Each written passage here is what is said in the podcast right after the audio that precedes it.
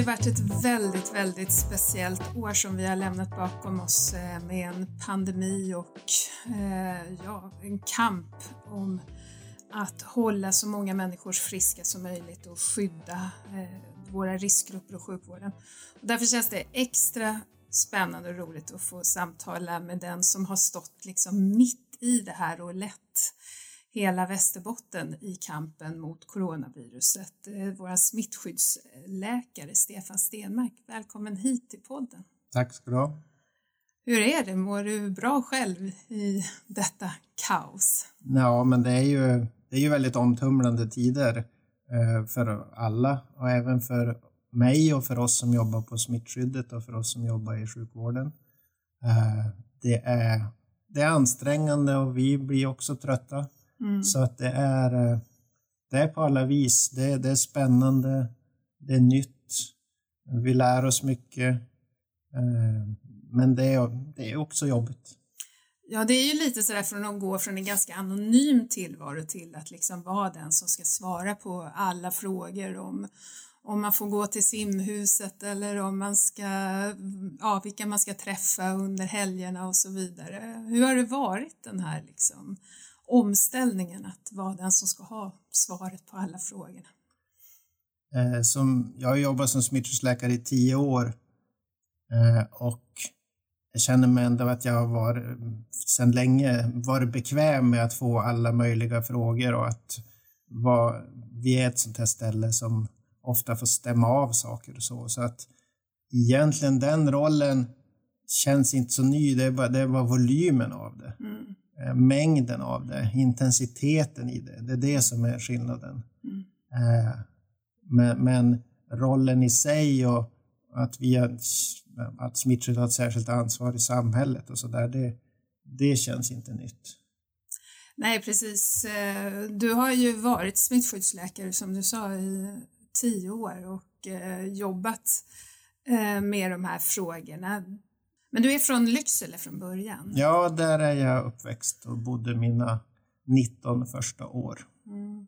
Och du kommer inte från någon läkarfamilj direkt? Kan du nej, nej. berätta lite om din uppväxt? Nej, ingen, ingen akademiker, släkt eller familj utan eh, min mamma jobbade som småskollärare som det hette när man hade barn i lågstadiet och pappa jobbade som entreprenör med skogsmaskiner. Eh, och eh, det fanns liksom ingen akademisk tradition. Eh, men det gick bra ändå att välja den banan. Vad var det som fick dig att känna att, eh, ja, och det är ju liksom en av de längre utbildningarna och en tuff utbildning också. Vad var det som lockade? Det var väl en kombination av ett ganska ett stort intresse för naturvetenskapliga ämnen. Eh, jag gillar, jag gillar människor. Jag, jag uppväxt i sammanhang där man, man ska försöka hjälpa andra, försöka mm. hjälpa till om man kan, med det man kan. Eh, så, och, och, jag, ville, jag ville ha ett, ett yrke där jag fick jobba mycket med, med, med min kunskap. Jag kände väl också att ja, jag hade väl liksom för, förmåga, trodde jag, tänkte jag. att, att eh, både ta mig in på utbildningen och tänkte att jag skulle ta mig igenom den också. Så att eh, ja, det växte fram ett, ett, och jag gjorde någon tidiga praktikplatser och så här, någon tidig prao i sjukvården och kände att det här var en, det var en intressant plats. Och du har aldrig ångrat det heller? Det har, jag, det har jag säkert gjort.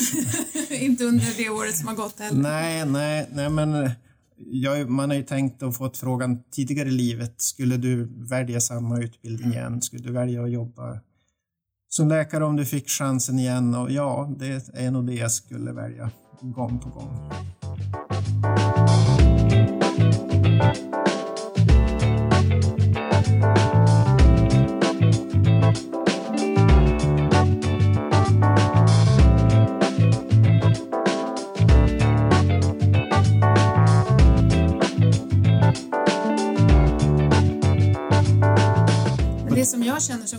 Utifrån det är just det, det, å ena sidan så är det fysiskt långa avstånd som i det här fallet kanske också har varit eh, bra men samtidigt är det ganska korta avstånd mellan de olika beslutsnivåerna, de olika aktörerna så att man mm. känner ofta varandra och ingår i olika nätverk. Och jag tänker att det har ändå varit, eh, plus att det jag upplever är att, eh, att man är ganska prestigelös. Man, mm. man vill lösa problemet och då hjälps man åt.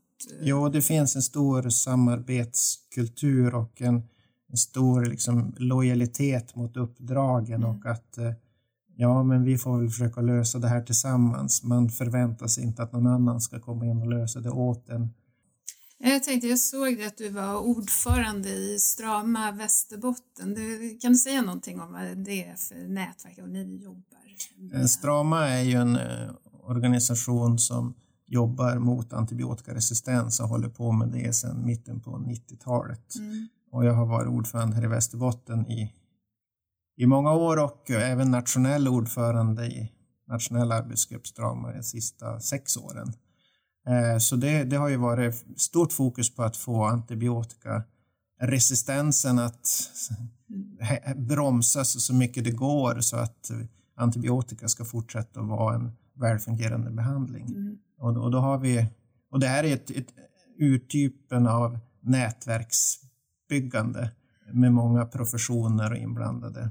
Ja, bland annat så har ni geriatrikerna, det vill säga de läkare som jobbar gentemot äldreomsorgen i, i nätverk där så ni kan nå Ja, det, vi har haft ett unikt samarbete tror jag sedan flera år tillbaka. Ja, det leds av en geriatriker men, men de flesta som är med i det här nätverket de är distriktsläkare mm. som har ansvar för äldreboendena. Och vi har haft regelbundna träffar i, i flera år där vi har diskuterat olika teman då, hur ska vi förebygga infektioner på äldreboende? Hur ska vi eh, se till att den, diagnostiken blir bra, det förebyggande arbetet blir bra och när man väl behöver antibiotikabehandling att det ges på ett, ett klokt sätt. Så att det har varit temat för, för det nätverket i, ja, under de senaste åren. Jag kan ändå tänka mig att, det, att ha ett sådant upparbetat nätverk och ha jobbat då med antibiotikaresistens, att det ändå var ett stöd och hjälp när pandemin slog till. Att, mm. Att ha tillgång till det här nätverket, för det, det har vi ju tyvärr sett att äldreboendena och hemtjänsten har varit väldigt utsatt. Mm. Jag tror att det är två, två bra... Det här, det här nätverket tror jag haft betydelse och vi har använt det flera gånger under det här pandemiåret. Mm. Eh, då med ordna särskilda träffar där vi inte har pratat om antibiotika antibiotikaresistens mm. utan eh, handläggning av, av, av förebyggande arbete när det gäller just covid-19. Eh, och det har varit väldigt stor uppslutning och vi har kunnat kombinera då de här distriktsläkarna som jobbar med frågan med eh, personer från vårdhygien, från palliativa teamets experter, från infektionskliniken etc. Så att vi har fått bra teamdiskussioner. För det här är ju, det är ju svåra frågor och svåra frågor måste man prata om. Eh, och, så så det, det tror jag var bra. Sen har vi ju Vårdhygien i Västerbotten har ju avtal med kommunerna för att stödja eh, den kommunala vården och det har också varit välfungerande sedan flera år och också, också varit oerhört viktigt för, för den kommunala vårdens förmåga eh, och kompetens och stöd med, med allt ifrån skyddsutrustningsfrågor till rutinfrågor etc. Utbildning. Så att eh, vi ska verkligen... Jag tycker vi, man, man måste lyfta vårdhygienenhetens centrala roll i, i, i, stödet till kommunerna. Det, det, har varit, det har varit och är väldigt viktigt och de är också de som smittspårar mm. eh, på, inom all kommunal vård och all regional vård också. Eh, och vi har ju smittspårat varje dag sedan det här började, varje fall, mm. eh, vilket också har varit betydelsefullt. Ja, det har verkligen varit en tuff höst. Jag tänkte höra, hur tycker du att västerbottningarna har, har skött sig under den här? Vi har ju fått stå där och presentera ganska tuffa allmänna råd och mm. du har stått i, i framkant där. Har man, hur har man tagit där? Det är ju mycket som har fått förändras i vardagen mm. för människor. Precis. Och och jag vill ju inte vara någon slags magister som ska ge betyg till, till västerbottningarna om de har skött sig eller inte. Men, men alltså den absoluta majoriteten av eh, människor i Sverige och i Västerbotten har ju gjort enorma förändringar och omställningar mm. i sitt liv. De allra flesta tar ju det här på, på stort allvar och har förändrat, många har förändrat sitt sätt att arbeta, var man arbetar, man har förändrat sitt sätt att röra sig ut i samhället, hur många man träffar. Man, man har lärt sig nya ord och begrepp. Man har lärt sig att man ska provta sig vid minsta snuva etc. Mm. Det, det, är ju, det, så, så, på många sätt har det ju varit helt samhällsomvandlande och människor har också gjort stora förändringar. Sen är det jobbigt, svårt och tufft att vara konsekvent hela tiden.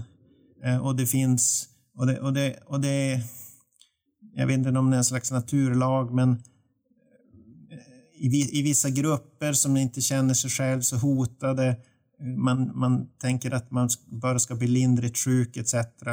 Och, och man är bara ung en gång i livet etc. Det, det, det, är, det är svårare att, att ställa om för, för, för en tonåring än för en 55-åring.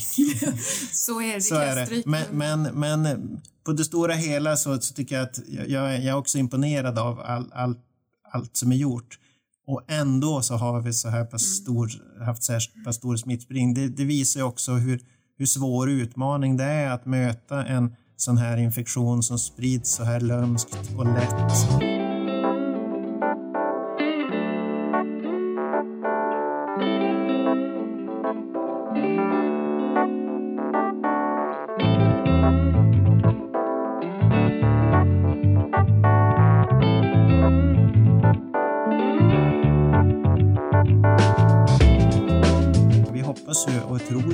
Intresset för att vaccinera sig är stort. För det här är ju det är bra både för att skydda eh, mot svår sjukdom och död och att bromsa smittspridning i takt med att allt fler blir vaccinerade. Och det är därför det är så viktigt att alla vaccinerar sig även om man inte då tillhör en riskgrupp eller så. För ja, att, för precis. vi måste stoppa viruset Precis. framfart helt enkelt. Ja, ska vi kunna, ska vi kunna bromsa smittspridningen så behövs, behöver vi att många vaccineras. Så mm. vår målsättning är ju att vaccinera så många vuxna som möjligt över 18 år under de första halvåret mm. sedan vi startade vaccinationen. Eh, och, eh, så att vi har liksom inte satt upp en speciell målprocentsiffra utan Nej. så många som möjligt. Och under den här tiden så är det fortsatt viktigt att vi håller de här framförallt fysiska distanser för det är ändå det mest verkningsfulla kan man väl säga. Ja, att, att det här viruset behöver ju att människor träffas mm.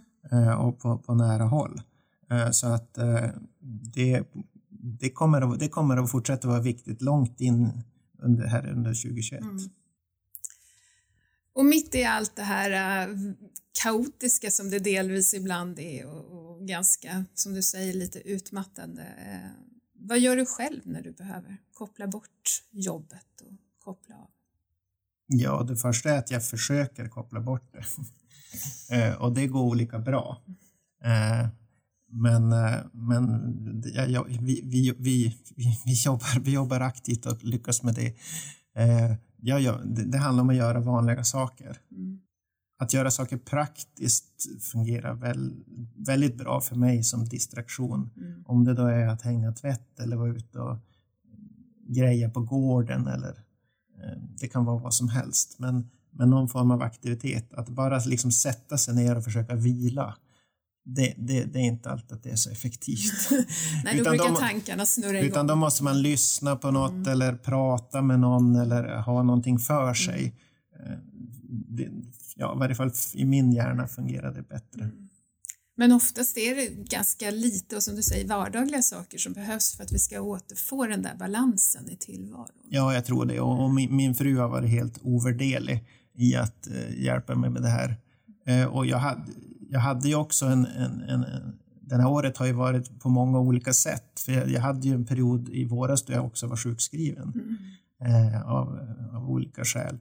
och jobbade också ett tag deltid och min kollega Gunilla Persson tog ett jätteansvar. Mm. Eh, så att jag, och eh, då fick jag också träna på det här att eh, liksom mm. slappna av och ta hand om mig själv och hade också jättebra stöd av min familj. Mm. Men du har en lite speciell relation till det som där jag bor nu för tiden, residenset. Och du har upplevt det länge tänkte jag säga och kanske mer, varit där mer än vad jag har varit i alla fall. Ja, det var under en under, vad var det, från 95 till 2000 som min svärfar Georg Andersson var föregångare till dig som landshövding. Eh, och eh, ja, vi bodde ju då, Umeå då hade ju mindre barn också så att vi var ofta där och hälsade på. Så att vi har, jo, vi har tillbringat en hel, hel del tid på residenset och eh, firat jul där och millennieskiftet och Mm. Mm. Vad härligt. Ja, det är ett väldigt vackert residens och det passar mm. bra för... Jag har inte kunnat ha så stora tillställningar under det här halvåret som jag har varit landshövding men, men ser fram emot att någon gång framöver kunna, kunna ha det igen om vi får mm. ordning på det här viruset.